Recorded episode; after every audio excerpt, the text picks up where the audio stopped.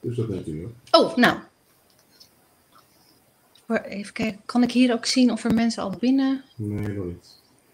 Nou, ik doe gewoon maar alvast een intro. Lieve mensen, de eerste Moest naar Live van uh, 2023. Uh, die starten we goed, want je ziet hem al meteen in beeld. Frank Anreis heb ik te gast. Hallo.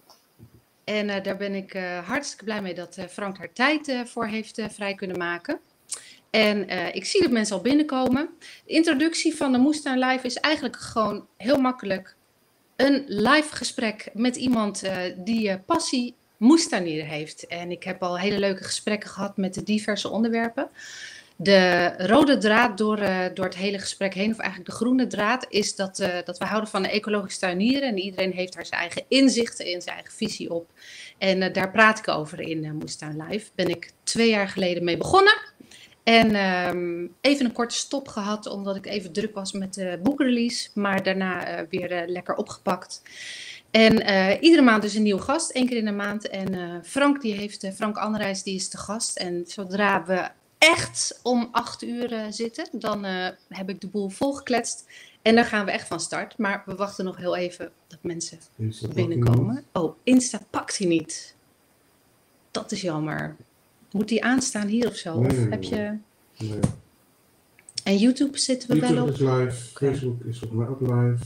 Nou, als je alvast wat wil laten weten van hey, hoi, ik ben er, laat je, laat je reactie even achter.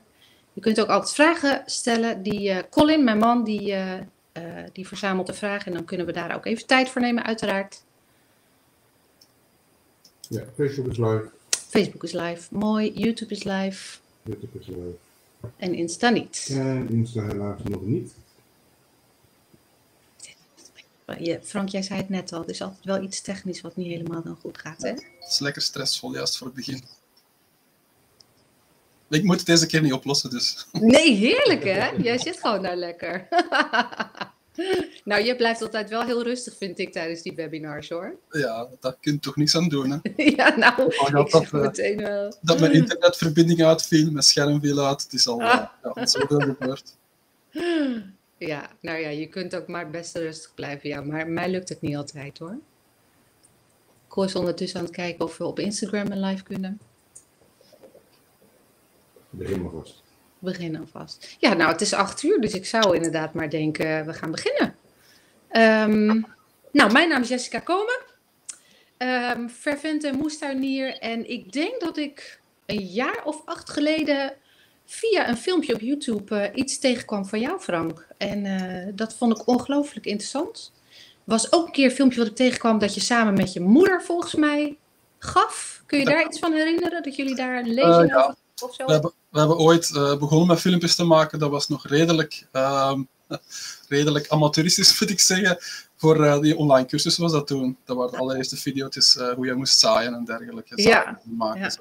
Ja. Dat was Nou ja, dus dat was mijn introductie met jou. En ehm, eh, ben ik je gaan volgen op Facebook. En je hebt, inmiddels heb je vier boeken geschreven. Maar laten we eerst even beginnen. Frank Andrijs, eh, kun je je kort voorstellen? Wie ben je en wat drijft jou? Eh, ik ben Frank Andres uit België. Ehm, ik zit in het project Yggdrasil. Mijn ouders hebben dat opgericht in 1996 en ik ben er in 2012 eh, ingestapt. Ehm, ik werkte ergens anders in een tuincentrum, boomkwekerij. Ehm, en dat was eh, wel mijn ding. Eh, dat was voor mij een ideale combinatie, veel buitenwerken en wat bureauwerk. Dat was goed, maar het was niet echt eh, de manier waarop, eh, laat ik zeggen. Eh, het was met spuiten en bestrijden en dergelijke. Um, en ik deed ondertussen ook redelijk veel bij mijn ouders thuis in het project. Uh, dus stilaan werd ik toch naar dat uh, project toegezogen om toch op die andere manier uh, meer uit te dragen. Ik denk dat het altijd goed is als je eerst ergens anders leert wat Ja. er allemaal kan en mogelijk is en bestaat. En ja, verkeerd gaan is veel gezegd. Uh, maar ik was toch ondertussen overtuigd dat het uh, op de manier dat mijn ouders het deden en wij het eigenlijk al deden, dat dat toch net iets beter was. En je En hebt het dus over het project Yggdrasil, dat je ouders zijn gestart. Eh, kun je uitleggen wat dat is? We hebben een project, mijn ouders zijn begonnen met echt ja, groente kweken. Om, toen was er niks in 97, 98 was permacultuur ja, onbestaande in onze streken. Dan was dat iets in, in Engeland. In Duitsland was dat ook al wel wat groter. Uh, en zij wouden op een uh, plek tonen dat je ook groenten kon kweken zonder spuiten, zonder bemesten. Uh, eigenlijk echt naar de natuur.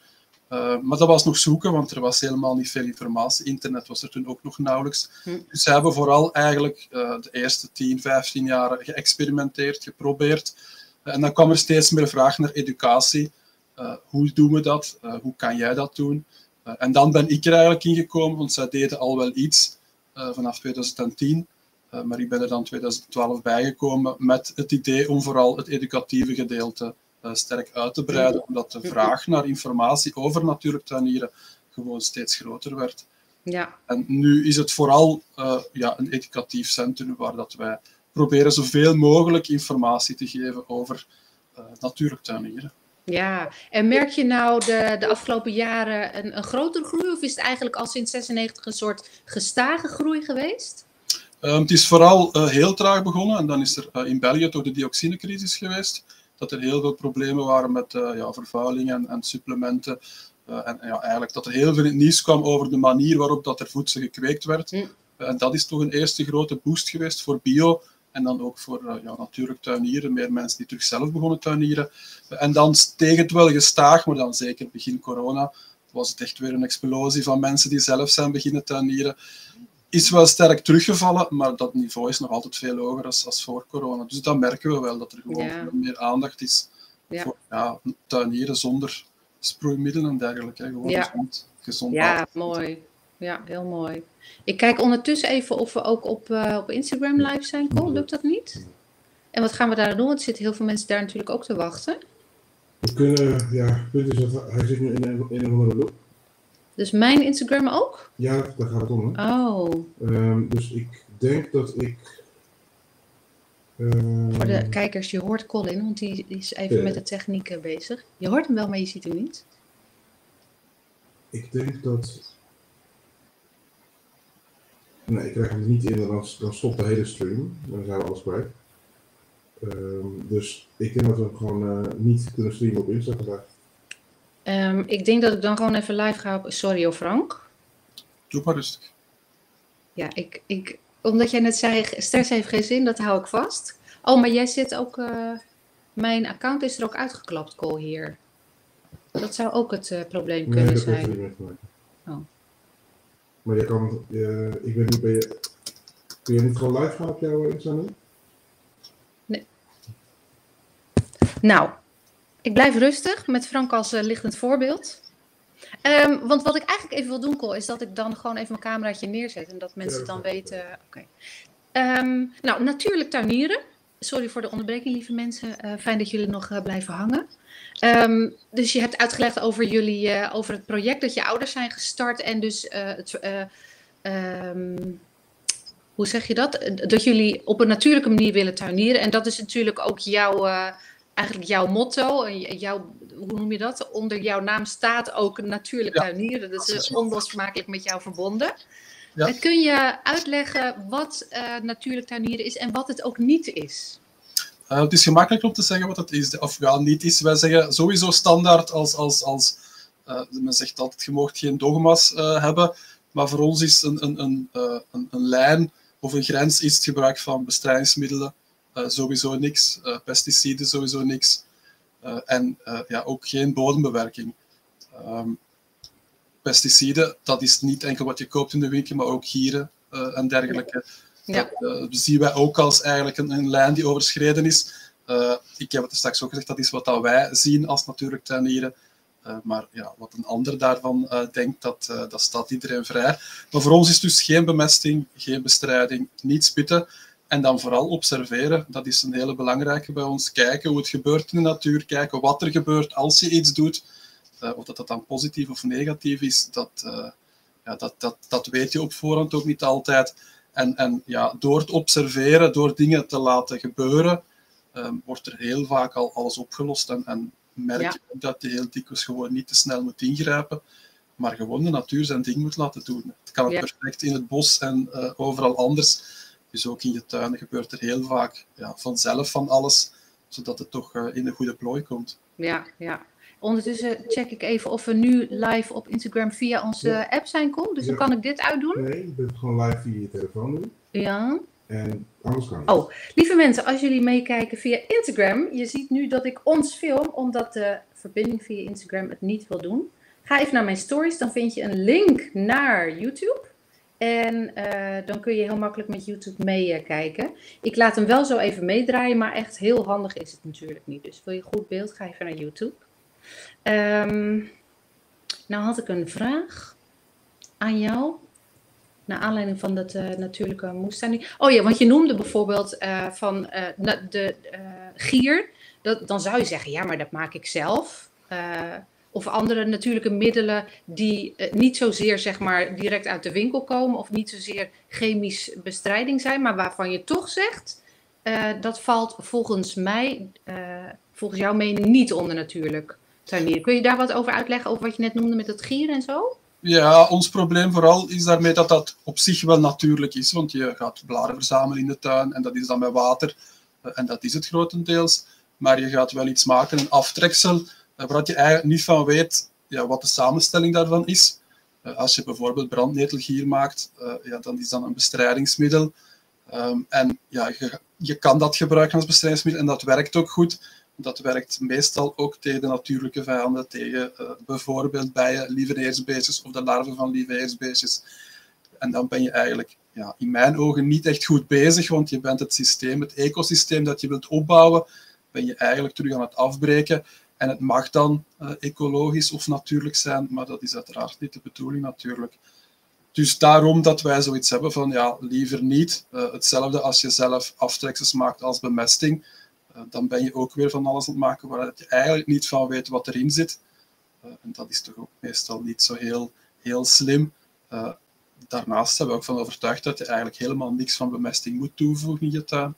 Als je je bodem verbetert, organisch materiaal toevoegt, dan, dan loopt dat allemaal zoals het zou moeten lopen. En dan gaat die bemesting alleen maar zaken verstoren en in de war brengen. Mm, mm. nou ja, je gooit nu wel natuurlijk een bom uh, in heel veel uh, moestuintjes en uh, moestuinvisies. Omdat er, ik zelf ook, ik heb zoiets van, nou, ik koop niks uit de winkel, maar ik maak het zelf. Maar jij gaat echt nog een stap verder.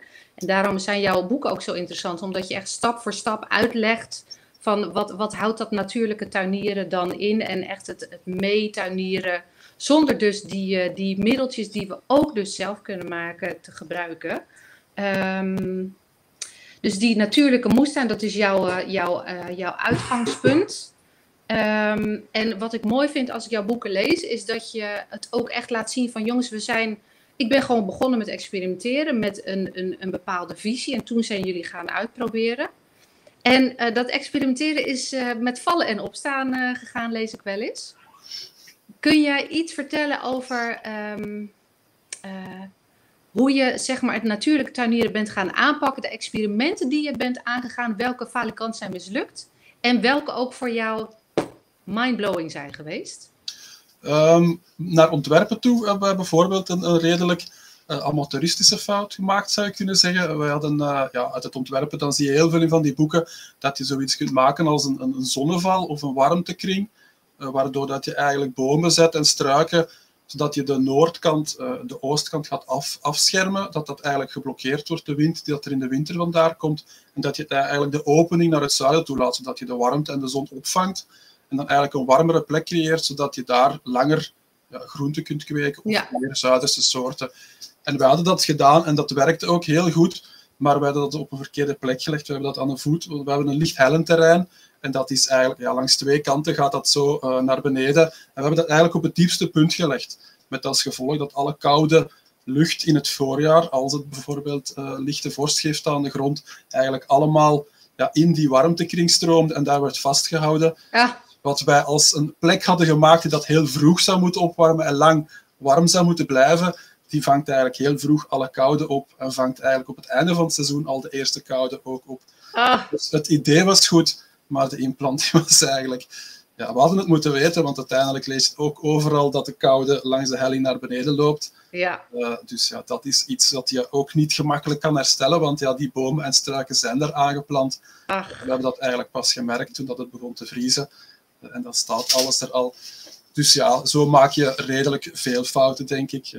dus ja, we hebben van alles fout gedaan. Maar het probleem of het goede aan fouten maken is dat je dan ook ineens weet uh, wat je verkeerd hebt gedaan. En als je daar dan uit leert, dan uh, heb je veel meer geleerd dan als je altijd alles goed doet natuurlijk. Ja, ja dat lukt met moesten hier volgens mij sowieso niet. Maar jouw houding, dat merkte ik net ook al. Dan is het bij mij even, even stress. Oh, gaat alles wel goed? En jij zegt gewoon, ja, je, je, het heeft niet, uh, geen reden om te stressen. Heeft geen zin om te stressen.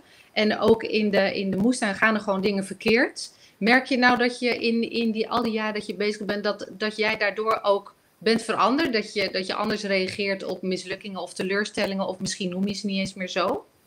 Um, ik denk dat ik die instelling altijd wel gehad heb. Uh, niet alleen bij het tuinieren, maar het, het, het, ja, het confronteert wel. Of het, je, je, wordt er vaker mee geconfronteerd, maar ik denk sowieso dat, uh, dat het altijd goed is om bij experimenten ervan uit te gaan dat het kan verkeerd gaan ja. en daar ook niet echt over te stressen omdat dat uh, ja, ook niet veel oplost. Maar zeker bij tuinieren, daar gaat elk jaar gaat er wel één of twee teelten verkeerd. Uh, het is een hete zomer waar je niks aan kan doen.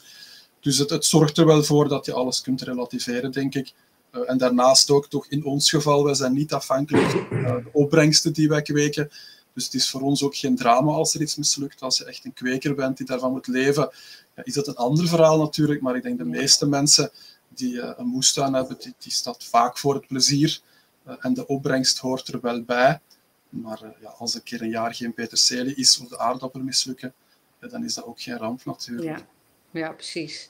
Ja, en waarom ik dat ook vraag is omdat toch vooral veel beginnende moestuiniers, dan, ja, dan mislukt zoiets. En dan, dan is het al vaak dat een teleurstelling dan kan leiden tot, nou ja, dan stop ik er maar mee. Maar met moestuinier is het toch gewoon ieder jaar weer opnieuw aangaan en, en kijken wat er wel of niet goed gaat natuurlijk. En uh, je noemde net iets over observeren, want dat is dus een van de belangrijkste zaken, belangrijkere zaken in natuurlijk moestuineren. Uh, maar dat is ook een ding wat mensen ontzettend moeilijk vinden, want we hebben nu een moestuin, we willen nu aan de slag en willen zo snel mogelijk, willen we natuurlijk opbrengst hebben. Um, waarom is dat observeren zo belangrijk? Um, verschillende redenen. Uh, om te beginnen moet je, je gewoon je, je, terrein leren kennen, je planten leren kennen, hoe die zich ontwikkelen. Ik denk zeker voor beginnende tuinieren is, of voor beginnende tuiniers is ons systeem niet eenvoudig. Uh, als je nog heel weinig kennis hebt van, van planten, uh, hoe een komkommer groeit, hoe een courgette groeit, dat is helemaal anders dan wat er in de winkel ligt. en dat heb je bij ons nodig om te kunnen combineren, omdat wij heel veel dingen ook spontaan laten opkomen moet je weten welke kiemplantjes je kan laten staan en welke niet. Dus op dat vlak is observeren al heel belangrijk, uh, omdat je heel snel moet weten wat goed en wat slecht is, uh, wat uh, mag blijven staan.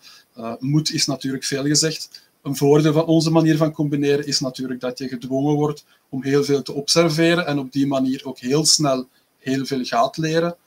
en het is ook gewoon heel plezant. Wij zetten sowieso altijd heel veel bloemen en kruiden in onze tuin omdat er ook heel veel van die dingen eetbaar zijn. En dan zie je ook heel veel verschijnen in je tuin, heel veel insecten, heel veel leven. En dat is ook gewoon plezant om, om dat ja. te bekijken. En je kan dat dan gewoon bekijken, maar je kan dan ook een app op je telefoon zetten en daar uh, ja, op, op Identify opzetten bijvoorbeeld. En dan gaan kijken wat het is, wat het doet, waarom het er is. En dat vind ik zo plezant aan tuinieren. Niet per se het oogsten van groenten, eh, maar vooral gewoon alles wat, er, wat erbij komt, wat je ziet verschijnen, wat er gebeurt. Eh, en je dan afvragen uh, waarom dat, dat is en, wat het gevolg daarvan is, uh, wat dat doet voor je tuin. Uh, en dat is voor mij eigenlijk vooral het, het, het, interessante en het grote plezier aan een eigen tuin hebben. Ja, mooi. Dus in plaats van, oh help, er vliegt iets in mijn tuin waarvan ik niet weet, mag dat er wel zijn? Is je meer afvragen van, waarom is het er? En ja, om, om wat, wat, wat wil het in mijn tuin? Ja, om een voorbeeld te geven, we hebben een, een, een compost, we hebben een hele smalle, alleen voor mensen die ons niet kennen, we hebben een heel lang stuk, uh, dat is 300 meter lang, maar dat is heel smal.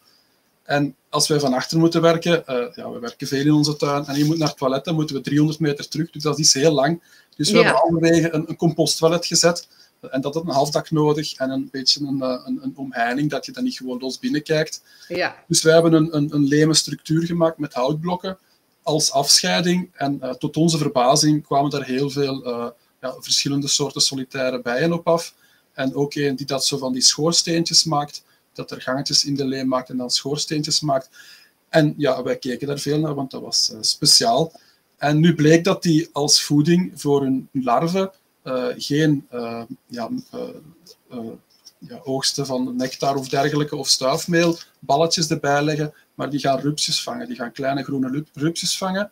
en als ze die zouden dood doen en bij de larven leggen, dan is dat rupsje dood en verteert dat, rot dat. Maar ze kunnen dat blijkbaar juist in de nek prikken, dat die verlamd zijn, maar nog blijven leven. Mm. leggen ze bij elk eitje leggen ze een verlamd rupsje, dat dan wordt opgegeten als die larve eruit komt. Dus dat toont maar aan bijvoorbeeld dat dat ja, heel verrassend is wat je allemaal kan zien en dat die wespen of die uh, solitaire bijen niet enkel bevruchten, maar ook bijvoorbeeld helpen in de bestrijding van uh, plaaginsecten. Ja, dus zo'n dingen, dat, dat, dat komt dan spontaan, ongepland. Uh, en dat is gewoon fantastisch, vind ik. Ja, geweldig. Fantastisch. Je noemde net even, want er zijn, uh, we gaan natuurlijk straks ook hebben over je uh, laatste boek, Multje in de Natuurlijke Moestuin. Maar je noemde het net al even zijdelings combineren. En daar bestaan heel veel vragen over, over combinatieteelt. Vooral omdat heel veel mensen nu bezig zijn met wisselteelt, rotatieteelt. Dus alle, ieder gewas, iedere familie zijn eigen, zijn eigen plekje. En dat roteren we. Maar jij, uh, jij schrijft toch iets anders in je boeken. Op basis van de permacultuur natuurlijk. Nu kunnen we daar natuurlijk wel dagenlang over gaan uh, praten. Um, maar voor mij maar gewoon een hele open vraag, zodat jij los kunt gaan, Frank. Um, combinatieteelt, waarom en hoe? Um, goh, om te beginnen doen we eigenlijk geen standaard combinatieteelt. Dus nee de gewone combinatie die iedereen kent, dat is een tabel met oh, wortel. en slechte. Ja, voilà, die dingen. Aardappelen met dit en dat en niet met dat. Um, dat zo zijn wij begonnen eigenlijk. Uh, maar wij merken al heel snel dat heel veel van die tabellen elkaar tegenspreken. Ja. Dat je heel veel tegenstrijdigheden vindt en dat je ook van heel veel zaken niks vindt, dus dat je het dan ook niet weet. Uh, en we hebben gewoon eigenlijk alles geprobeerd. Goede en slechte combinaties, onbekende combinaties. En onze conclusie was toen dat je eigenlijk gewoon door te combineren eigenlijk al heel veel positieve voordelen had. Dus zodra wij al die combinaties begonnen te doen en, en redelijk uh, ja, intensief te combineren, merkten wij dat het, het gehalte aan plaaginsecten, aan, aan ziektes en zo, dat dat eigenlijk sterk afnam. En dat was voor ons een teken dat je al die ja, ingewikkelde tabellen, als je daar een, een, een, teeltplan van wilt maken, daar ben je echt dagen aan bezig. Dat wordt heel ingewikkeld. Um, dus dachten wij gewoon combineren, that's it, meer moet dat niet zijn. Maar ja, hoe doe je dat dan? Hè? Als je zegt je moet alles combineren, dan uh, is het ook weer een vraagteken elke, elk jaar opnieuw. Dus hebben wij vier regels opgesteld. En uh, de belangrijkste daarvan is dat je om te beginnen gaat combineren op het volume van een plant. Dus een, een grote, brede plant die kan heel goed langs een smalle, hoge plant staan. Uh, die gaan niet concurreren voor plaats of licht. Maar ook onder de grond kan je zeggen dat is ongeveer een spiegelbeeld van de plant boven de grond. Dus ook onder de grond gaan die niet concurreren voor voedingsstoffen en voor uh, water en dergelijke. En zo kan je eigenlijk een grotere productiviteit hebben op hetzelfde stuk. Dus als jij een grote blok uh, kolen zet in je wisselteelt en een grote blok aardappelen en een grote blok bladgroenten, die hebben allemaal op hetzelfde moment dezelfde voedingsstoffen met dezelfde wortels op dezelfde diepte nodig. en in ons systeem is dat allemaal gelaagd en uh, ja, is er veel minder concurrentie, waardoor dat je dus bijvoorbeeld geen bemesting nodig hebt, omdat je planten ja, op verschillende tijdstippen, op verschillende dieptes in de bodem naar hun voedingsstoffen gaan zoeken en niet ineens alles leeggeroofd wordt, maar eigenlijk het bodemleven tijd krijgt om dat aan te bieden en aan te vullen, zolang er voldoende organisch materiaal is. Dus dat is een beetje het idee daarachter. Je gaat eerst combineren naar volume en dan ga je combineren uh, naar kleuren en geuren omdat dat ervoor zorgt dat die planten eigenlijk een beetje verstopt zijn voor plaaginsecten. Ja, heel precies. kort hoe dat ja, en dat kleur, dat is, dat, dat is zo geweldig, want uh, daar, daar let, uh, let een standaard moestuin nu, die gewoon vanuit zeg maar wat we uit overlevering hebben geleerd van ouders en opa's en oma's, uh, letten we natuurlijk niet op de kleur, dat juist ook die kleur zo'n in, invloed kan hebben op, op dat eh, net dat, uh, dat koolwitje niet uh, zijn weg kan vinden. kun je iets vertellen over waarom je dus ook met kleuren werkt? Ja, kleur is eigenlijk heel belangrijk. Dat maakt echt een enorm verschil. Zodra wij dat daarmee echt specifiek aan de slag gegaan zijn, kan ik eigenlijk wel zeggen dat wij zo ongeveer alles van plagen kwijtgespeeld zijn. Wij bestrijden niks we hebben dan ook helemaal geen last van plagen. Er zitten wel slakken en er zijn wel koolwitjes, Ja. maar dat is nooit in de hoeveelheden dat dat een probleem vormt. En een van de redenen is dat insecten niet goed zien gewoon. Uh, die hebben andere soort ogen als ons, die hebben van die samengestelde facetogen. Uh, die kijken niet zoals wij kijken, die kunnen niet zo scherp kijken. En die zien eerder in, in vlakken, uh, in, in, in blokken. En als je dan een, uh, ja, een mooie groene rij hebt met daarnaast een, uh, een, een, rij blote bruine grond en dan weer een groene rij, dan is dat heel duidelijk waar dat zo'n insect moet zitten. Want bruin, ja, dat doen ze niet. Dat is grond of boomschors en daar kunnen ze niks mee. Maar groen, ja, dat is ideaal. Dus dan vinden ze dat altijd. En als je, uh, zoals wij combineren, als wat dichter zet, mooi combineert dat het alles dichtgroeit, dat die kleuren ook wat in elkaar overlopen, dan wordt die, ja, die mooie rij witte kool, die dat heel duidelijk is, die wordt dan wat verstopt. Dat loopt wat in elkaar over. En als je daar dan bijvoorbeeld wat rode planten gaat tussen zetten, rode uh, kool of uh, rode koolrabi of rode bietblad, dan is dat een kleur die heel veel insecten ook niet zien. heel veel insecten kunnen geen rood spectrum zien. en dat wordt dan ja, een grijze zone, neem ik aan, waardoor dat, dat, ja, dat groen ook weer al verandert van, van uitstraling. En op die manier ga je dat allemaal verstoppen, wordt dat eigenlijk een fluwe zone groen, waar dat die specifieke kleur, waar dat bijvoorbeeld die ajuinvlieg op zoek is naar wat blauwe-groen van die ajuinpijpjes, dat wordt gewoon bijna volledig verborgen. En op die manier heeft die kleur echt een enorme invloed op wat uh, plaaginsecten zien en vinden.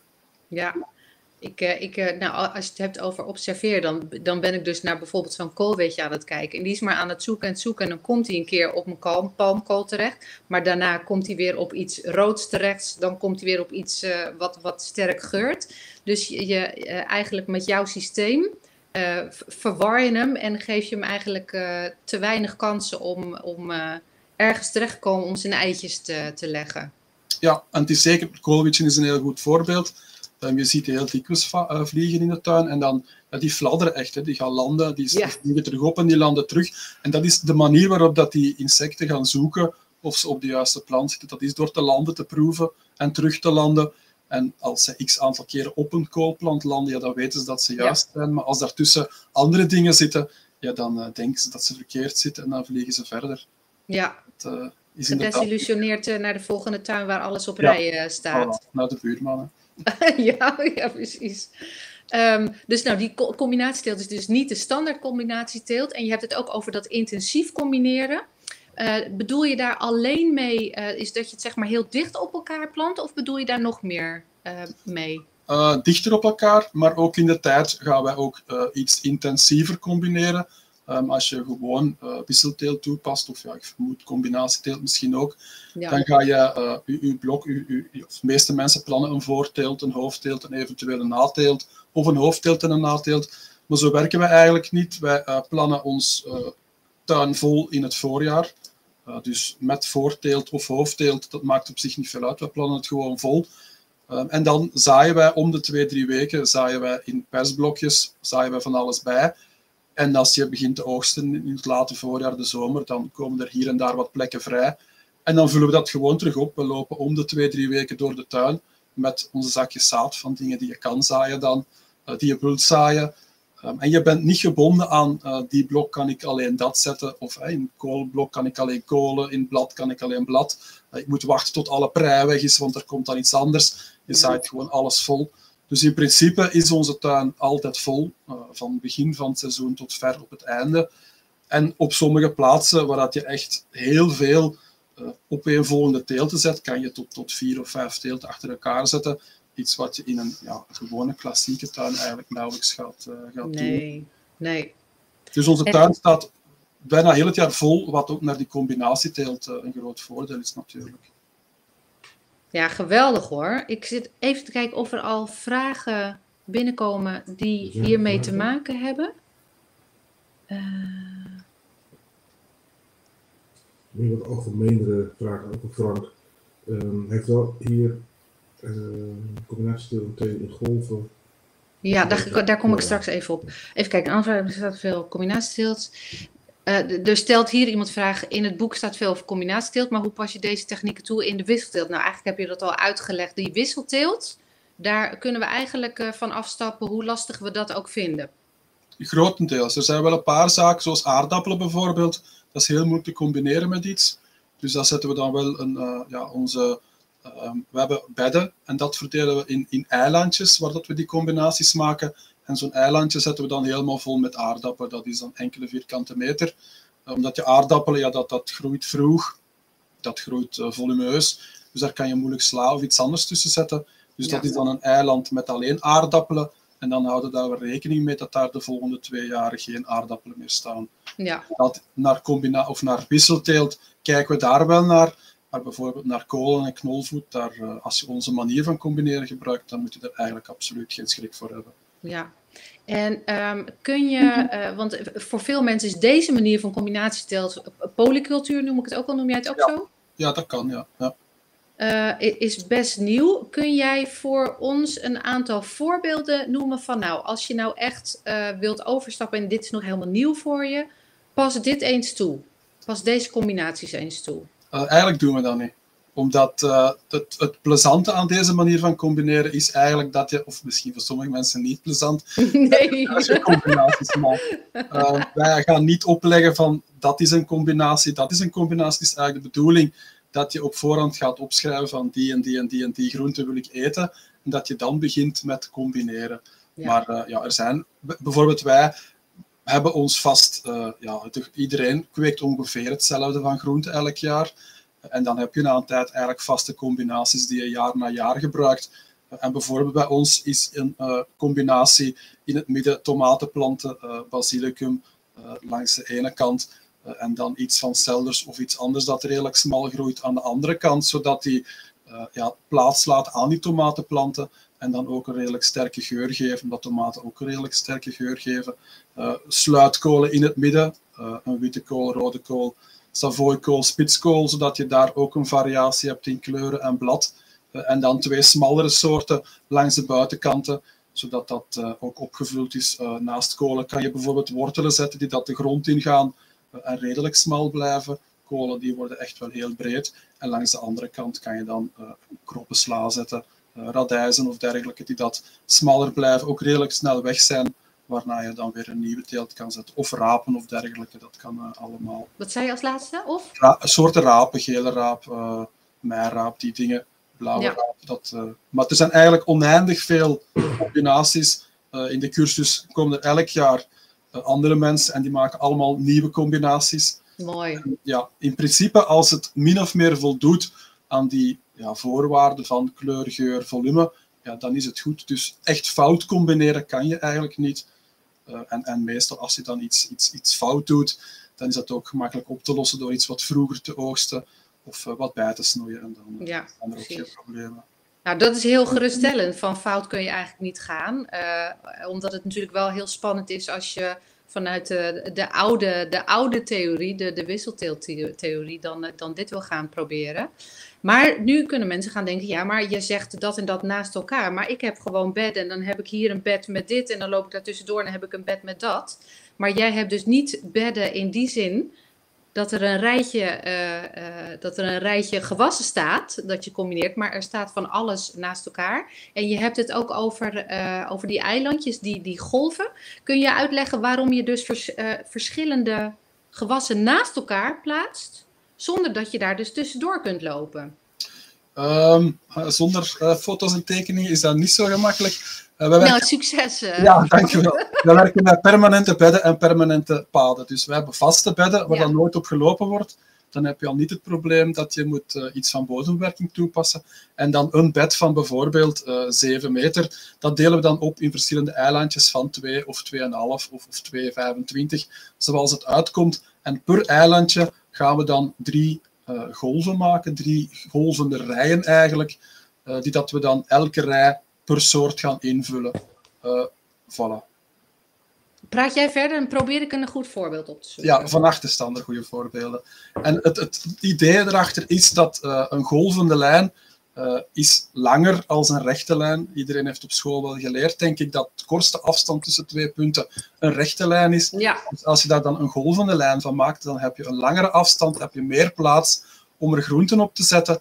Voilà. En dan kan je dus al een hogere productiviteit hebben op hetzelfde bed. En dan daarvan onder, onder die, die bulten van die uh, golven, heb je ook nog eens holtes waar je andere soorten in kan zetten. En op die manier ga je eigenlijk op zo'n eilandje, op een, een ja, enkele vierkante meters, ga je al minstens vier of vijf verschillende soorten groenten combineren. En dat zorgt ervoor dat je dus heel veel soorten hebt, waardoor dat je al sowieso die combinaties hebt. En je kan er meer op een kortere afstand zetten of op eenzelfde afstand, waardoor je productiviteit ook omhoog gaat. Je kan rekenen op ongeveer een 25, 30 procent eh, hoger rendement uh, als je op deze manier gaat werken, wat toch uh, ja, ongelooflijk op een tuin. Ja. En dus hoe, hoe, ben je op die golven terechtgekomen? Uh, als je naar de natuur gaat kijken, als je gaat observeren, in de natuur is eigenlijk niks recht. Alles is een golvende beweging. als je gaat kijken naar de zee, dat zijn die golven. Dat als je op de dijk loopt, dan lijkt dat een rechte lijn. Of als je op een kaart kijkt, maar als je aan de zeerand gaat wandelen, dan merk je dat je altijd een golvende beweging moet maken. ja, eigenlijk overal eh, heb je golven in je, eh, in je darmen, in je luchtwegen, eh, bomen. Alles zijn cirkels en golvenbewegingen. De natuur probeert eigenlijk altijd om alle randen te laten golven, zodat er meer interactie is. Dat is weer hetzelfde tussen een rechte lijn is zo kort en de natuur probeert altijd te golven. Denk aan een rivier. wij trekken daar recht in een kanaal, maar de rivier die gaat eigenlijk golvend en dat is het idee eigenlijk. En dan heb je meer interactie met de omgeving uh, en heb je gewoon meer leven. Ja, prachtig. Dus daar komt het. Nou, echt heel mooi. Ik kijk ondertussen even op mijn. Uh, ik moet de tijd een beetje in de gaten houden, want het vliegt. Um, en ik ga even kijken. Um, ondertussen. Zie jij die vraag ook, Frank, of zie ik die alleen? Ik kan zien, ja. Want als jij nou denkt, dat is een hele goede vraag, die wil ik, ja, alle, alle vragen zijn goed, daar niet van. Maar als je denkt, nou, die wil ik graag beantwoorden, dan kijk ik ook nog even mee. Oh, maar zie je het wel of niet? Ik hoorde je niet. Ja, ik zie het wel. Ik zie het oh wel. ja. Uh, misschien die van uh, de meeste groenten zijn toch groen. Dat is ook een vraag die dat regelmatig naar voren komt. Mm. Uh, en dat is ook wel zo. De meeste groenten zijn groen, maar er zijn wel heel veel verschillende tinten groen. je hebt dat blauw-groenige van bijvoorbeeld ajuin. Maar je hebt dan ook lichtgroen van boontjes. Uh, je hebt rood van het, of roodgroen van het blad van rode biet. Uh, als je warmoes zet, dat zijn ook groene bladeren, maar dan zitten dan nerven in van rood, oranje, geel. Uh, en dat geeft allemaal een andere uitstraling van groen. Um, koolrabi heeft ook een groen blad, maar is dan weer wat wasachtig van uitstraling. Uh, mais is ook groen, maar is weer helemaal anders. en het is juist die mengeling van die verschillende groene tinten dat ervoor maakt dat het niet echt één tint uitsteekt en dat insecten juist echt verward worden door het vele, of de vele schakeringen groen. Ik denk als alles gewoon groen was, dan lukte het niet. Maar mhm. doordat alles net een beetje anders groen is, uh, lukt het wel. En je kan dat dus helpen door uh, rode koolrabi te gebruiken, door rode sla te zetten, door uh, ja, te werken met kleuren, rode melden, wat kruiden ertussen, wat bloemen, zoals dille die in bloei staat, koriander en dergelijke. Als je uh, hier een kool in van vorig jaar in bloei laat komen, dan heb je wat geel erbij.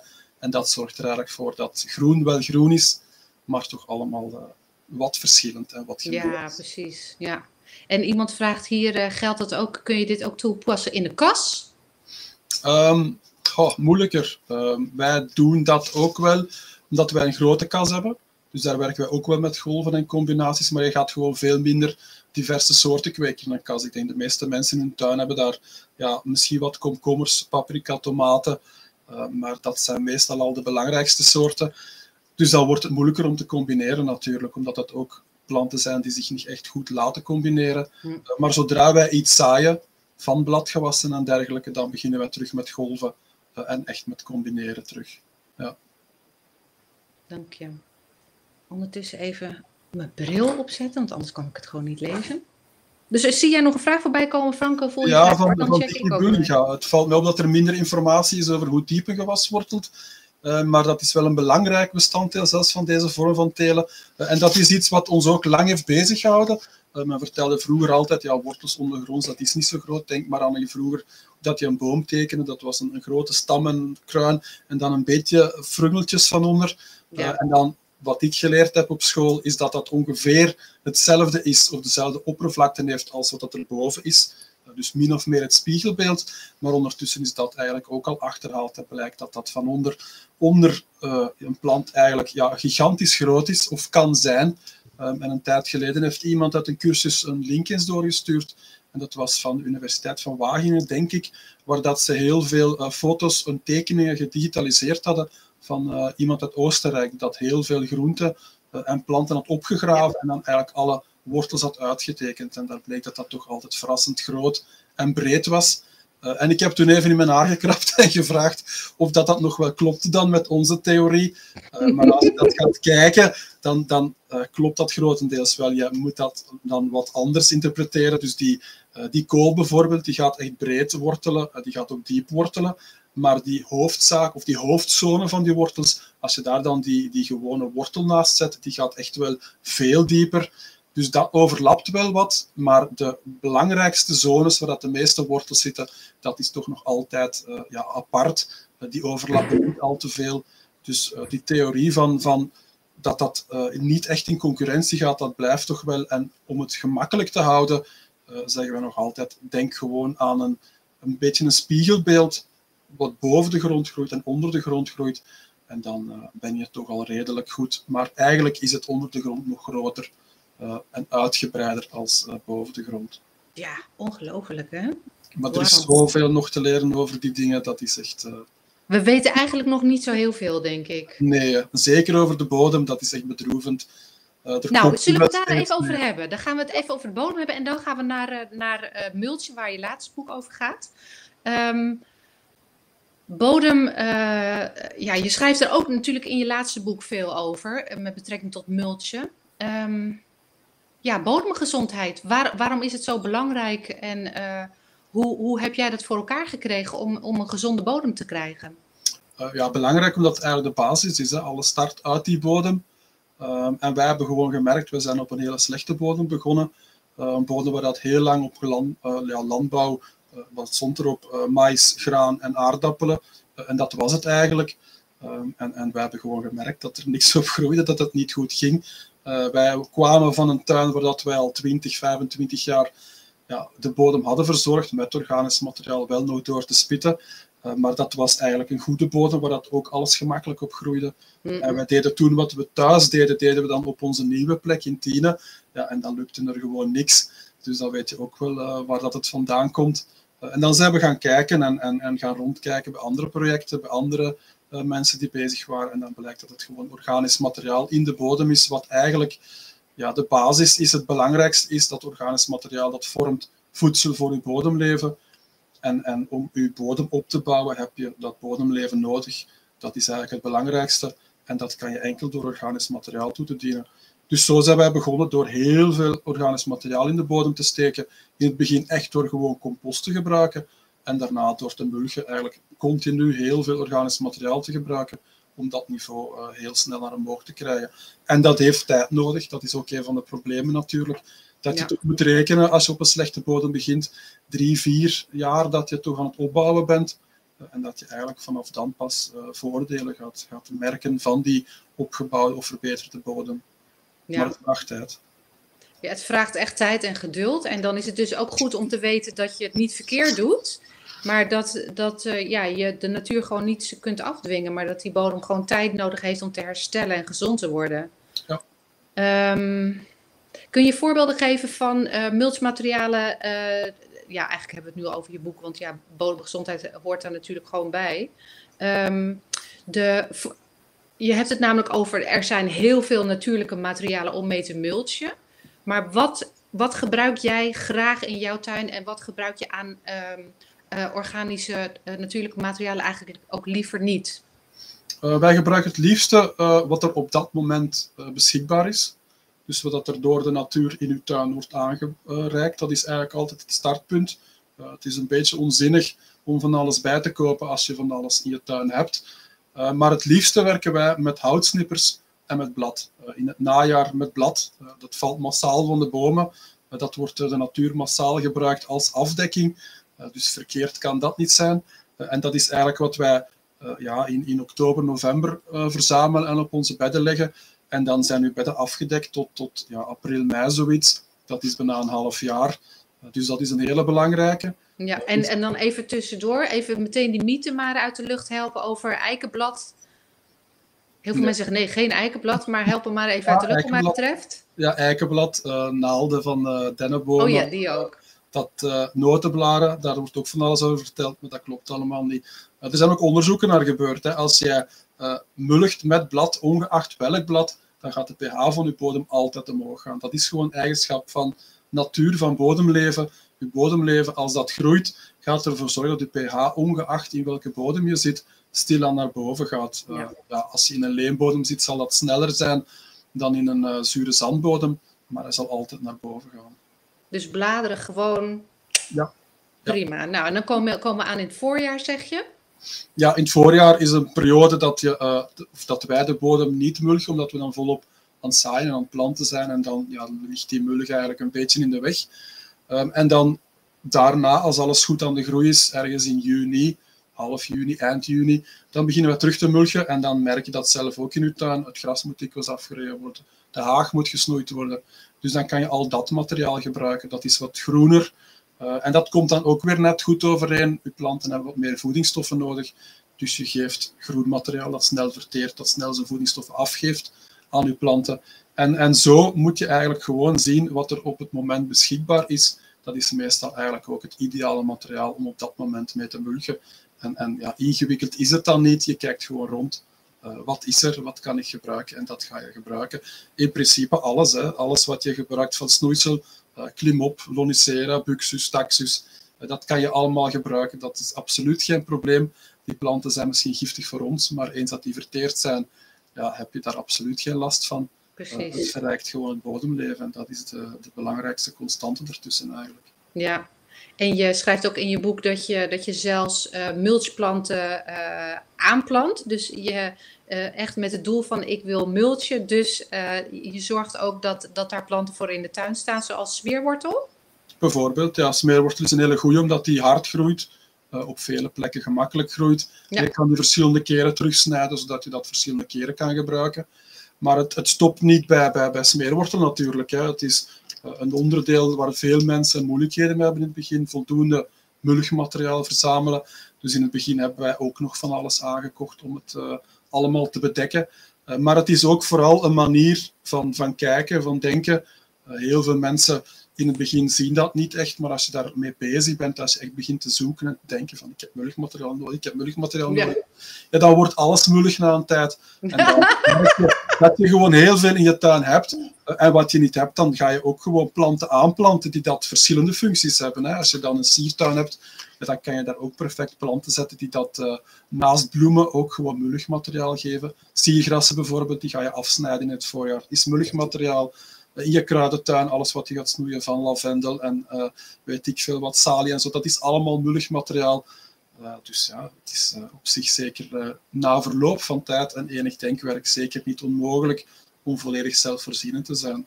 Ja, en dat vind ik ook zo mooi dat je het dan hebt over die uh, geslo gesloten kringloop, denk ik, of het gesloten systeem. Ja. Je hebt dus, en daar word ik zo blij van, je hebt dus, je hoeft dus niet meer naar het tuincentrum te fietsen en een zak, uh, weet ik veel, cacaodop of zo te halen. Maar uh, als je dus met een plan ook in die tuin bezig gaat, voorziet je tuin dus in, uh, in, uh, in mulch en voldoende mulch. Ja, maar het is natuurlijk altijd met, met een bedenking erbij. Het hangt ook een beetje af van uh, wat je wilt in je tuin. Je kan je tuin helemaal vol zetten met groenten en dan zijn de randen natuurlijk veel kleiner. En dan zal je waarschijnlijk niet voldoende mulch hebben. Ja. Het is ook wat dat je wilt. Hè. Als je zegt van uh, ik wil het een beetje 50-50 hebben, ik wil wat meer plaats voor randen, omdat ik bloemen en dergelijke ook belangrijk vind, of het opbouwen van een ecosysteem met wat meer dieren belangrijk vind, dan is het gemakkelijker. Um, maar het is zeker mogelijk. Maar het moet ook niet. Hè. Als je zegt van ik wil echt maximaal productie hebben, dan, ja. Uh, ja, dan heeft dat consequentie dat je toch wat mulch zal moeten bijkopen of bijzoeken ja. op een ander of de hele straat uh, inschakelen om, uh, om hun snoeimateriaal bij jou te droppen. Ja, ik ken mensen die dat van die draden aan hun deur zetten aan de voorkant en die zeggen tegen heel de straat, kom ze er maar in kappen. Die laten dat daar een jaar in liggen en dan hebben ze ideale bladcompost en dat gebruiken ja. dan. Dus er zijn veel mogelijkheden. Hè. Je kan ja. inventief ja, zijn. Ja. Um, nou had ik een vraag en dan vergeet ik hem weer. Oh ja, je noemde houtsnippers. Daar zijn mensen best een beetje, beetje angstig voor om te mulchen met houtsnippers. En daar schrijf je ook goed over in je boek. Kun je daar iets over uitleggen? Um, de meeste mensen, houtsnippers, dat wordt ook ja, verteld over verzuring, is dat waarschijnlijk het eerste dat optreedt. maar ook hier is dat weer hetzelfde als met blad. Als je met houtsnippers gewoon met elk organisch materiaal gaat mulchen, uh, dat zorgt er altijd voor dat de pH omhoog gaat. Dus ook met houtsnippers van eik, ook met houtsnippers van naaldbomen. Dat is absoluut geen probleem. En het tweede waar dat heel veel mensen schrik voor hebben, is dan schimmels. Want schimmels, dat, dat klinkt misschien nu al minder, maar dat klonk toch altijd ja. heel negatief. Ja. maar dat, dat, dat is ook zoiets wat, wat in de wereld gekomen is. Ik weet niet van waar dat komt, maar dat je uh, als je groente kweekt, dan uh, is dat in permacultuur. Er wordt dan vaak gezegd, je zit in een pioniersfase. Pioniersfase, dat zijn eenjarigen. Dat is wat onze groenten eigenlijk zijn. En eenjarigen, die hebben bacteriën nodig. En als je naar een voedselbos gaat, dan heb je meerjarigen. Dat zijn schimmels. Dat is een bos, die hebben schimmels nodig. en dan noemen we dat bacteriedominant en schimmeldominant. Maar dat, daar is eigenlijk een beetje de verwarring ontstaan, denk ik. Omdat het, mm. ja, het is zeker niet bacteriedominant. er zijn iets meer bacteriën. Maar er zijn nog altijd immens veel schimmels aanwezig in een pioniersvegetatie, in een pioniersbodem. Het gehalte of het procentueel gedeelte is wat gezakt in verband of in vergelijking met een bos. Maar er zijn nog altijd een overvloed aan schimmels, een meerderheid aan schimmels, dus het is zeker niet bacteriedominant. Er zijn gewoon iets meer bacteriën in een pioniersbodem, in de moestuin. Maar schimmels zijn gewoon nog altijd gigantisch belangrijk. En daar begint men nu ook steeds meer achter te komen. Ja. Uh, ik denk, er zijn steeds meer boeken over schimmels en wat die allemaal doen in onze bodem. Uh, en dat is werkelijk hallucinant. Als je geen schimmels hebt, dan kan jij gewoon geen groenten kweken. Nee. Alle groenten in je tuin, behalve de kolen, die maken verbinding met schimmels om voedingsstoffen te verzamelen, om water te verzamelen, om informatie uit te wisselen.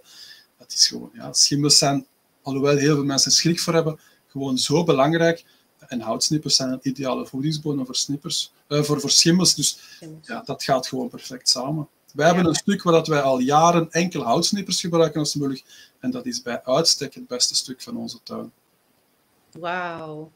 Um, nou, in het verlengde daarvan vond ik het ook heel interessant om te leren over compost dat jij heel. Eh, want ik dacht, waarom heb je het nou de ene keer over groen compost en de andere keer over compost? En op een gegeven moment las ik dus dat jullie compost, uh, uh, dus grotendeels, als ik het goed heb onthouden, bestaat uit hout, verteerde houtsnippers, gecomposteerde houtsnippers. En dat dus een andere compost is dan wat we aankopen in de winkel. Kun je daar wat meer over vertellen? Um, je hebt verschillende soorten compost, dat is dan de oorsprong van de compost. En het is eigenlijk vooral het verhaal van stikstof dat daarin meespeelt. Ja. Um, ja, ik neem in Nederland is dat probleem even groot als in België, dat er gewoon veel te veel stikstof is overal. En dat er dringend iets aan moet gebeuren. En dat we eigenlijk, ja, er wordt altijd verteld, je hebt stikstof nodig voor je planten, stikstof voor te groeien. Maar dat klopt eigenlijk helemaal niet. Je hebt stikstof nodig, maar er zit gewoon voldoende in de bodem en in de lucht. Planten kunnen dat eruit halen, bacteriën kunnen dat eruit halen. Je moet echt niks extra toevoegen. Hm. Te veel stikstof is eigenlijk een oorzaak van heel veel plagen. Dus wij proberen zo stikstofarm te kweken, dus ook een compost te gebruiken die zo weinig mogelijk stikstof heeft. En de klassieke compost, dat is een GFT-compost met ja, groente- en tuinafval, maar ook veel fruit en dergelijke, dus veel stikstof. Uh, en groencompost, dat is een compost die afkomstig is van houtsnippers, uh, van, van versnipperde boomwortels en dergelijke. En daar zit veel meer structuur in, maar er zit vooral veel minder stikstof in. En dat is eigenlijk het belangrijke aan die soort compost als je kan, gebruik je liefst groencompost. Als je dat niet kan, is elke compost natuurlijk beter als geen compost. Maar als je kan kiezen, dan geven wij toch altijd de voorkeur aan een compost met zo laag mogelijk gehalte aan stikstof. Ja, wauw. Nou, dat vond ik echt een eye-opener. Ja, dat is ook iets waar wij lang naar op zoek geweest zijn. Is ook niet overal gemakkelijk te vinden, uh, maar maakt echt wel een, een, groot verschil. Ja, en gemiddeld, uh, want er zullen nu mensen zijn van nou, daar wil ik dan ook wel mee aan de slag gaan. Hoe lang duurt het gemiddeld? Stel dat ik nu met houtsnippers aan de slag ga en ik laat het composteren, totdat ik groencompost heb. Um, als je het echt gaat omzetten, als je dus warmtecompost gaat toepassen, dan is dat niet veel langer als, uh, ja, als je een gewone compost op gaat omzetten. Als je dat fijn versnippert, dan uh, heb jij op een, een, een, drie, vier maanden heb jij compost en je laat die dan uitrijpen. En dan heb je eigenlijk op gewoon een cyclus van een jaar heb je perfecte compost die je kan gebruiken in je tuin. Maar Dus dan daar moet je hoeven we ook niet echt bang voor te zijn dat het ontzettend lang gaat duren. Nee, nee. Alles, alles composteert. Hè. Als wij houtsnippers op onze tuin leggen, zijn die ook meestal verteerd na één of twee jaar. Ja, Dat, eh, dat gaat eigenlijk heel vlot ook. Ja. ja, ja. En ehm, wat ik zelf eh, lastig vond eh, met een dikke laag houtsnippers op mijn bakken. Het, het is, laten we eerst even de voordelen noemen. Eh, of nee, dat mag jij doen, want ik interview jou, natuurlijk. Eh, voordelen van, van sowieso een laag mulch. Ehm, de meeste mensen zeggen, nou dan, dan houdt het de bodem vochtig, eh, want de zon die, die, die, eh, brandt er niet op. Nou, dat is een van de voordelen. Maar ehm, kun, je, kun je andere voordelen ook noemen van mulch? En dan ga ik daarna even over dat houtsnipper nog mijn positieve ervaring uit jouw boek noemen. Het grootste voordeel, denk ik, is dat er zeer weinig tot geen onkruid groeit. Ja, Iedereen wel plezant vindt, denk ik. Eh, en ja, geen waterverlies, maar ook een veel betere bodemstructuur. Eh, omdat alle ja, invloeden van buitenaf worden gedempt, harde regen. ja, ehm, en, en, ja, het bodemleven wordt gestimuleerd om die bodem goed te houden. Eh, en die bodem blijft veel koeler. Die wordt Nou, precies. opwarming. En dat is veel beter voor je planten, want plantenwortels hebben niet graag een warme bodem. Bodemleven heeft niet graag een opwarming van de bodem. Ja. Dus je plantengroei is veel constanter, waardoor dat die planten minder stress hebben en net zoals bij ons dan veel gezonder zijn en beter groeien. Want is- hoeveel graden verschil kan er zijn tussen zeg maar, een, een bodem zonder mulch in eh, op een hele hete dag tussen eh, eh, nacht en dag? Tussen nacht en dag kan ik zo direct niet zeggen. Ik weet wel de cijfers, als je bijvoorbeeld een dag hebt dat buiten 30 graden is in de zomer, dat de zon volop schijnt, een onbedekte bodem, dat wordt dan iets van een 50 graden in de bodem. En als je gemulligd hebt, dan zit je aan een, een 20, 25, dat blijft eigenlijk heel constant. En, en ja, dat is niet toevallig, planten hebben liefst een bodem tussen de 20 25. Dus als je mulligt, dan zal je dat ook merken als je je hand onder die mulliglaag steekt. Dat is eh, vochtig en koel. Eh, en dat is ideaal voor planten en, en voor bodemleven. Dus het is echt een gigantisch verschil als je Ja. ja. Blije plantjes, minder hittestress en dus ook sterkere planten die minder aangevallen worden door de ziektes en plagen. Dat is zo.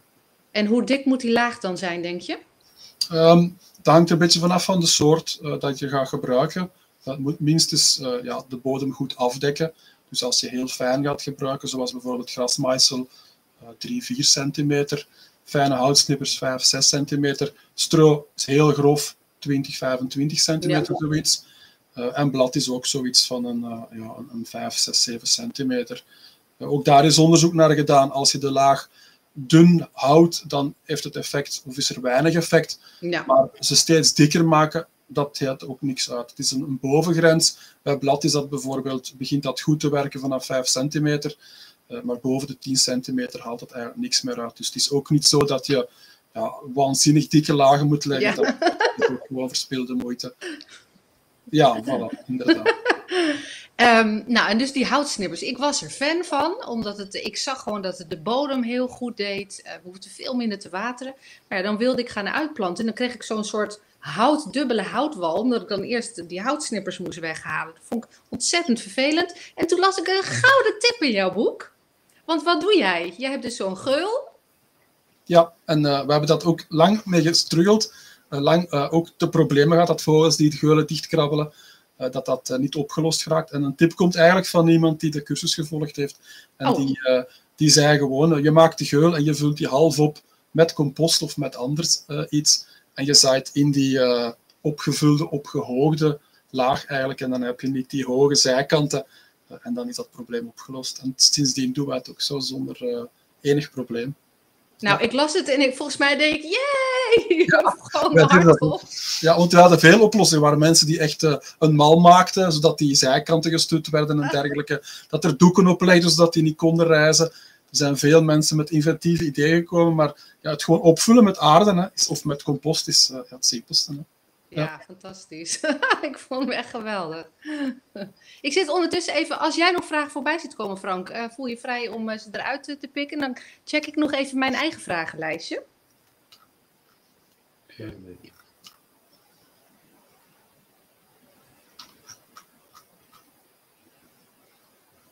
Kan je heermoes als mullig gebruiken? Dat is een eh, heel ambetant eh, onkruid, zoals eh, de meeste mensen wel weten.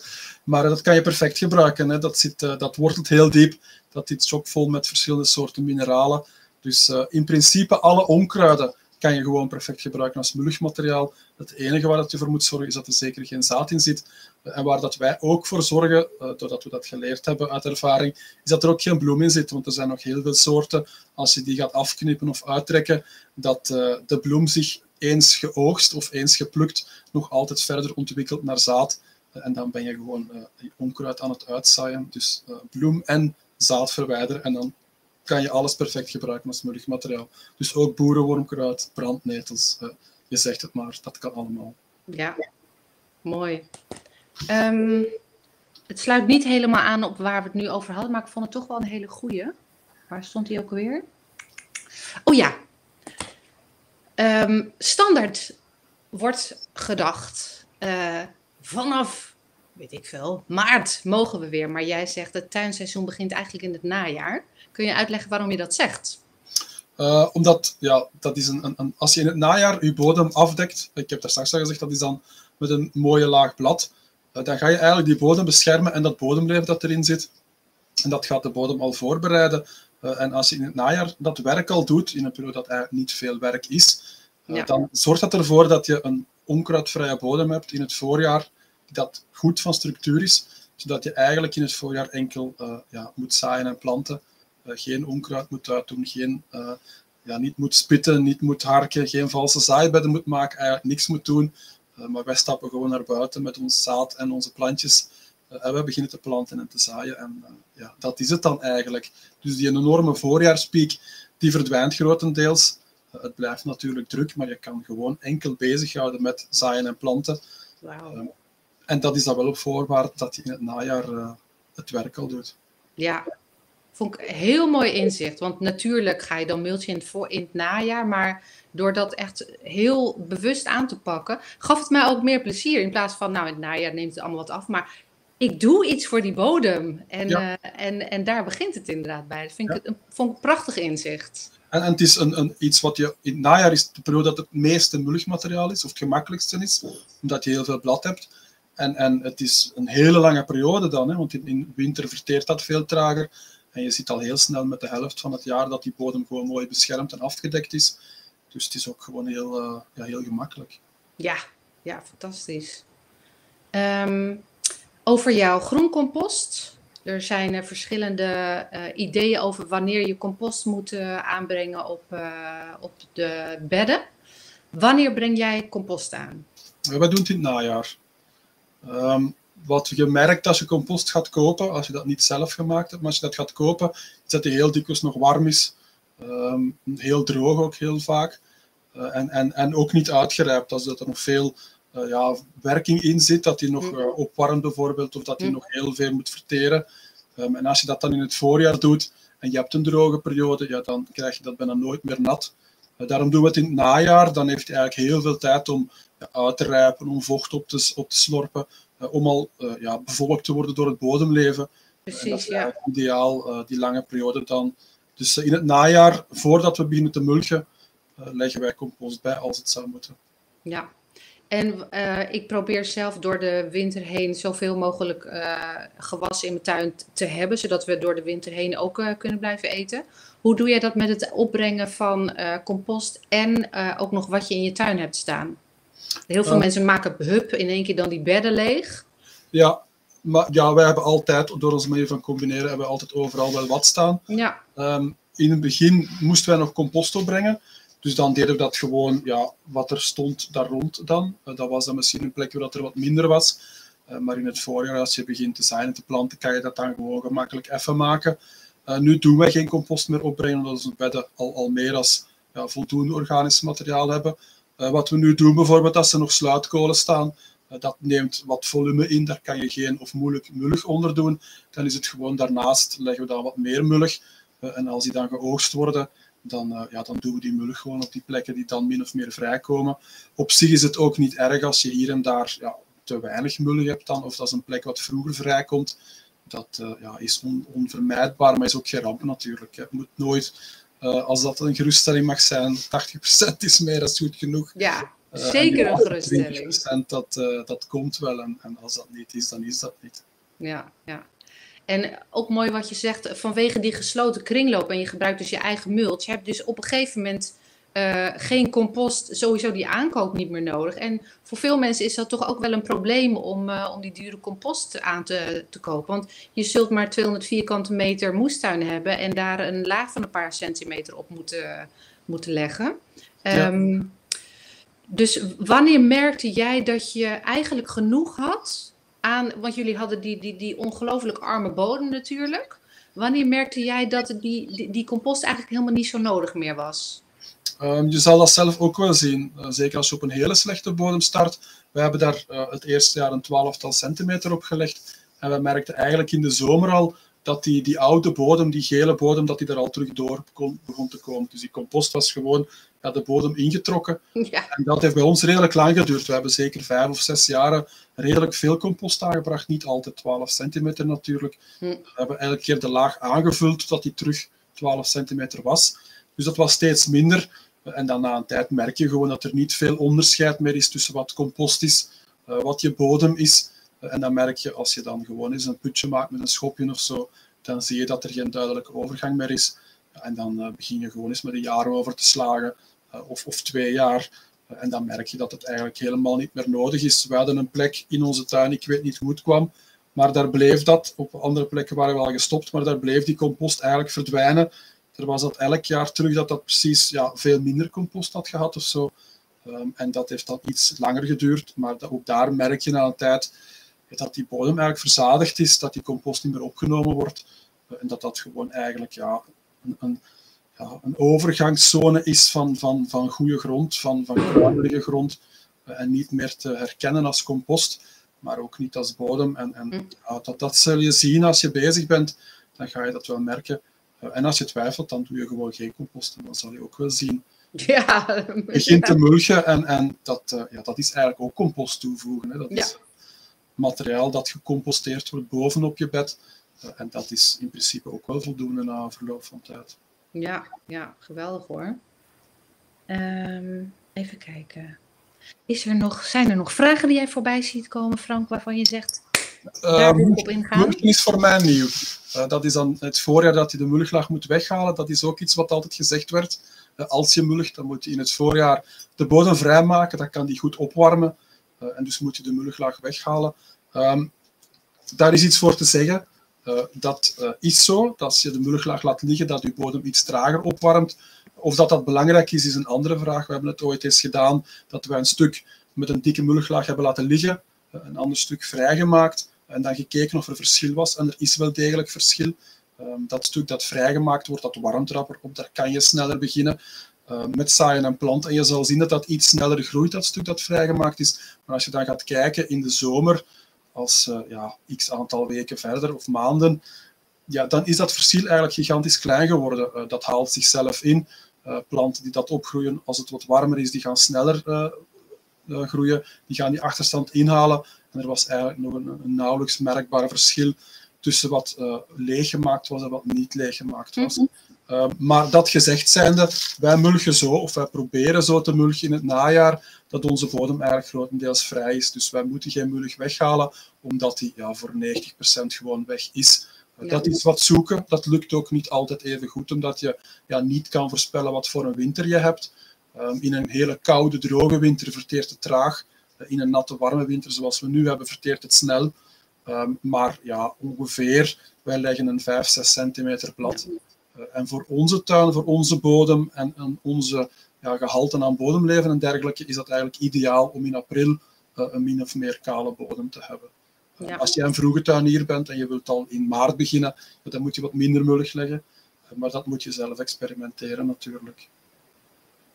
Ja, het mooie is de, de, wat je zegt, experimenteren. Dat is ook wat ik in je, je boeken ook lees, is wat we ons, denk ik, allemaal, die, dat gedrag als het ware ook moeten aanleren om open te staan voor experimenten en, uh, en geduld te hebben om te kijken van hoe, uh, hoe reageert mijn tuin op dat moment in dat jaargetijde, in dat jaar, op wat ik aan het doen ben. want het is, het, het is iedere keer weer anders. Um, maar ik denk wel dat jij door de jaren heen wel door je experiment een bepaalde lijn hebt vastgesteld van nou, dit werkt wel dit werkt niet. Ja, uh, um, grote, grote fouten maken we echt meer. Er zijn nog wel dingen die we verkeerd doen, maar zo de grote dingen, we hebben ooit eens gemulligd dat we echt ja, in het voorjaar nog altijd 5, 6 centimeter blad hadden laten liggen. Dat gebeurt niet meer. maar ja, dat, dat leer je gewoon door, door te kijken wat er gebeurt. Hè. Dat, dat zal bij iedereen zo zijn. Ja, ja de, maar ik merk toch dat heel veel mensen die ook net zijn begonnen, hebben toch een beetje een magnetronmaaltijd. Uh, noem je dat zo ook in, in België, magnetron? Of noemen jullie dat anders? Microgolf? ja, microgolf. Ja, ja precies. Ja. De, de microgolf-mentaliteit van pink, stop het erin en dan, dan moet het daarna gewoon klaar zijn. Maar ik denk dat moestuinieren ons meer dan wat dan ook in het leven leert om gewoon geduld te hebben en mee te bewegen met de natuur. Ja, en, en, en ja, ik heb denk ik in het begin al gezegd, hè, gewoon te wachten, uh, niet te reageren of niet te snel te reageren, maar gewoon kijken wat er gebeurt. Want er zijn bij heel veel problemen, als je gewoon kijkt en enkele weken wacht, dan is het vaak gewoon al opgelost. Uh, of het wordt gewoon niet zo erg als je dacht. Uh, ik denk ja. dan bijvoorbeeld aan luizen, aan rupsen, die worden heel dikwijls gewoon aangevallen door natuurlijke vijanden. en door niet in te grijpen, wordt dat gewoon opgelost. En zo zijn er wel heel veel dingen. Door gewoon, je kan dat luiden zijn noemen, maar door gewoon niks te doen, verdwijnt het probleem heel vaak gewoon. Of, of komt de oplossing vanzelf. Uh, dus dat, je moet daar uh, ja, niet te vaak uh, over stressen of, of te rap willen zijn. Ehm, het probleem is vaak als je iets doet in een tuin, dat dat inderdaad een jaar duurt voordat je dat opnieuw kan doen, voordat je dat ja. beter kan doen of anders. Dus dat is uh, misschien een nadeel of een voordeel natuurlijk. Het is maar hoe je het bekijkt. ja, ik ervaar het wel als een nadeel. Wat, wat is het voordeel eraan, denk je? Uh, dat je gewoon ook ziet hoe dat het evolueert. Als je iets fout doet, dan kan je ook kijken hoe dat, dat in plaats van direct weg te doen en opnieuw te beginnen, kan je zien wat er gebeurt, hoe het evolueert. En soms leer je daar ook heel veel dingen uit. Of, blijkt het toch allemaal niet zo erg geweest. Ja, ja, ja. Het is tien over negen, dus we gaan er een beetje een eind aan maken. Tenzij jij nog zegt van nou, ik zie of nog een vraag. Of Jessica, deze vraag heb je niet gesteld, maar ik wil daar toch iets over, uh, over zeggen. Goh, er zijn veel vragen. Hè? Maar bijvoorbeeld van Suzette Timmerman, hoe oogst je, laat je wortels in de bodem. Dat is ook wel een belangrijk iets waar we toch ook altijd uh, proberen de nadruk op te, uh, te, leggen. Is dat je die bodem dus niet gaat verstoren of zo weinig mogelijk gaat verstoren door niet te spitten.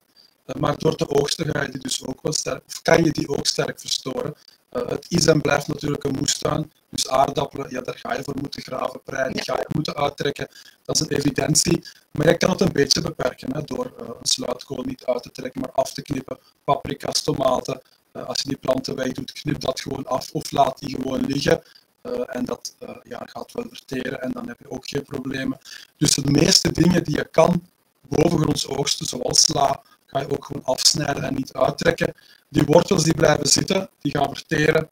dat is weer al voeding voor het bodemleven die gangetjes die dat overblijven, dat is dan weer extra structuur voor de bodem. Als het daar regent, dan gaan die, uh, dat water via die gangetjes naar beneden. Planten dat je daar in de buurt zet, die gaan die gangetjes ook gebruiken om sneller uh, naar beneden te gaan. Dus dat geeft ook alleen maar voordelen. Ja. Ook sneller, iets gemakkelijker. Dus uh, ik zou ook niet weten waarom je het niet zou doen. Goeie. Nou, eens even kijken. Uh... Colin, zie jij nog als moderator iets uh, wat we gaan combineren? Want anders ga ik nog ik even... Denk, uh, maar wat, wat wel een goede vraag is, denk ik... Oh, um, een goede vraag. Uh, iemand vraagt, dat is de leuke TV, kan je ook alleen in compost zaaien? Dat is wel een fout die sommige mensen misschien ah, maken. Kan je ook in compost zaaien, vraagt iemand. wij, zaaien, wij zaaien in zuivere compost. Dus wij doen dat sowieso al. Als wij persklaartjes maken of potjes vullen, is dat ook altijd in zuivere compost maar dan wel uh, met de voorwaarde dat dat liefst dan groencompost is, waar dat minder stikstof in zit. En sowieso compost die een tijd gelegen heeft, die uitgewerkt is, zodat die uh, plantjes uh, niet gaan verbranden of gaan kapot gaan.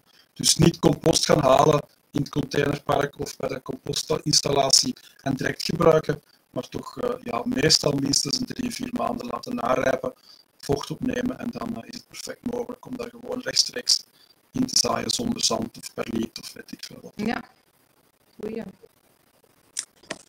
Ja, en dan deze. Oh, ja, iedereen ziet het nu waarschijnlijk in het, uh, in het spiegelbeeld. Oh, kijk, oh Colin, kijk, de techniek staat ook voor niks, hè. Dit is jouw laatste boek en daar hebben we het natuurlijk ook over gehad, over uh, multje.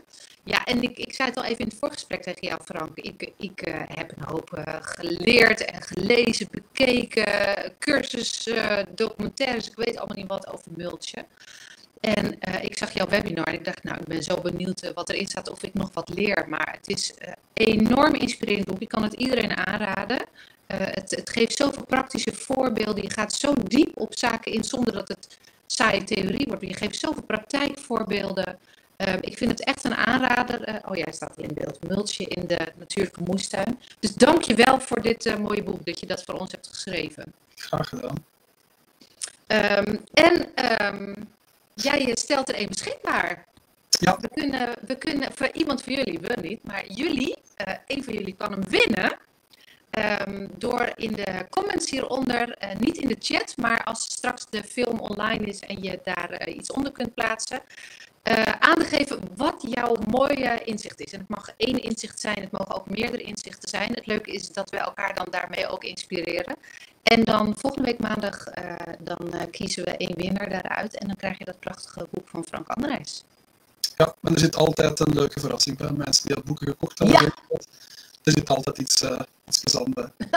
ja, zo leuk. Ontzettend leuk. Um, Frank, ik ben heel blij en uh, vereerd dat je vanavond gast wilt zijn bij Moestaan Live. Dankjewel ja. voor, uh, voor je tijd erin en voor, voor je expertise, je inzicht. Dankjewel dat je heel veel hebt geëxperimenteerd met vallen en opsta opstaan. Want daar leren wij ook weer van in al jouw boeken. Zo is dat. Dankjewel dat ik mocht komen, dat ik mocht praten. Dat er veel vragen gesteld werden, is ook altijd plezant natuurlijk. Ja. Uh, en ik hoop dat iedereen uh, veel leert en ook aan de slag gaat in zijn eigen tuin. En het dan verder vertelt. Dat is uiteindelijk het doel van Yggdrasil. Dat wij het starten, dat iedereen ook experimenteert. En het dan uh, verder vertelt tegen de buren, tegen de medetuiniers. En dat het zo stilaan verspreidt. Ja, ja, heel mooi. Ja, goed gezegd. Daar ben ik helemaal voor. Daar sluit ik me bij aan. Voilà. Frank, dankjewel. En lief kijkers, dankjewel wel dat je erbij was. Dat je mee hebt eh, gepraat en gechat en vragen hebt gesteld. Mensen die nog gaan nakijken omdat ze vanavond niet aanwezig konden zijn, eh, lekker van genieten. En dan zie ik jullie volgende maand weer. En ehm, Frank, nogmaals bedankt. En ik dank je wel voor je tijd en nog een hele fijne avond voor jou. Goedenavond iedereen. Doei. Doeg allemaal.